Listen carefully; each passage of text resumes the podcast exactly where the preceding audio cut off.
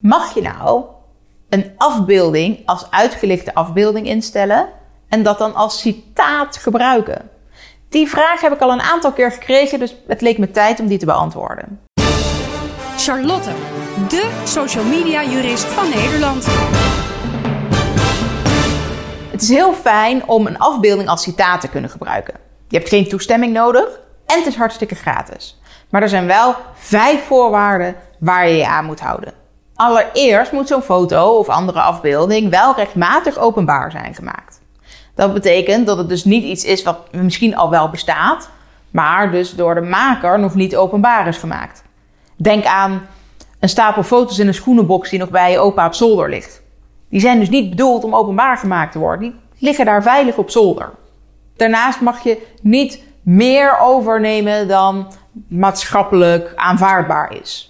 Dus van een fotoserie zou je misschien wel één foto mogen overnemen, maar dan niet meteen drie of vijf of zelfs tien. Daarnaast moet je altijd aan naam- en bronvermelding doen, wanneer dat kan. Als nou je nergens uh, kunt achterhalen wie de maker is en dat absoluut onmogelijk is, je moet er wel een beetje je best voor gedaan hebben, dan hoef je die naam op zich niet te noemen, maar dan wel de bron waar je het vandaan hebt. Verder moet je ook um, aan alle andere persoonlijkheidsrechten voldoen. Dat betekent dat je zo'n foto niet opeens mag verminken of mag wijzigen. Daarnaast moet je, een hele belangrijke, een gerechtvaardigd doel hebben. Dat betekent dat je het mag gebruiken voor een aankondiging, beoordeling, polemiek, wetenschappelijke verhandeling of vergelijkbaar doel. Dus moet altijd wel een enigszins serieus doel hebben. En het mag dus niet ter versiering gebruikt worden. En dat is precies waar het probleem zit als je een afbeelding als uitgelichte afbeelding wil gebruiken. Zo'n uitgelichte afbeelding moet je een beetje zien als de cover van een magazine of van een boek bijvoorbeeld. Het kan best zijn dat er verderop nog gesproken wordt over die afbeelding, maar eigenlijk niet daar op die cover. Dan is het vooral bedoeld als aantrekkingskracht. Om ervoor te zorgen dat iemand dat tijdschrift oppakt zodat hij het daadwerkelijk gaat kopen.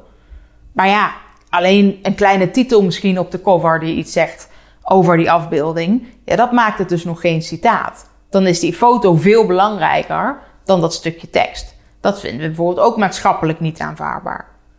Eigenlijk moet dat wat je als citaat wil gebruiken, dus de afbeelding die je als citaat moet gebruiken, ondergeschikt zijn aan het grotere geheel. Aan bijvoorbeeld het artikel waar je het in wil gebruiken. Dus als het gaat om je website en je schrijft een artikel of een blogpost, dan moet dus die afbeelding ondergeschikt zijn aan dat artikel.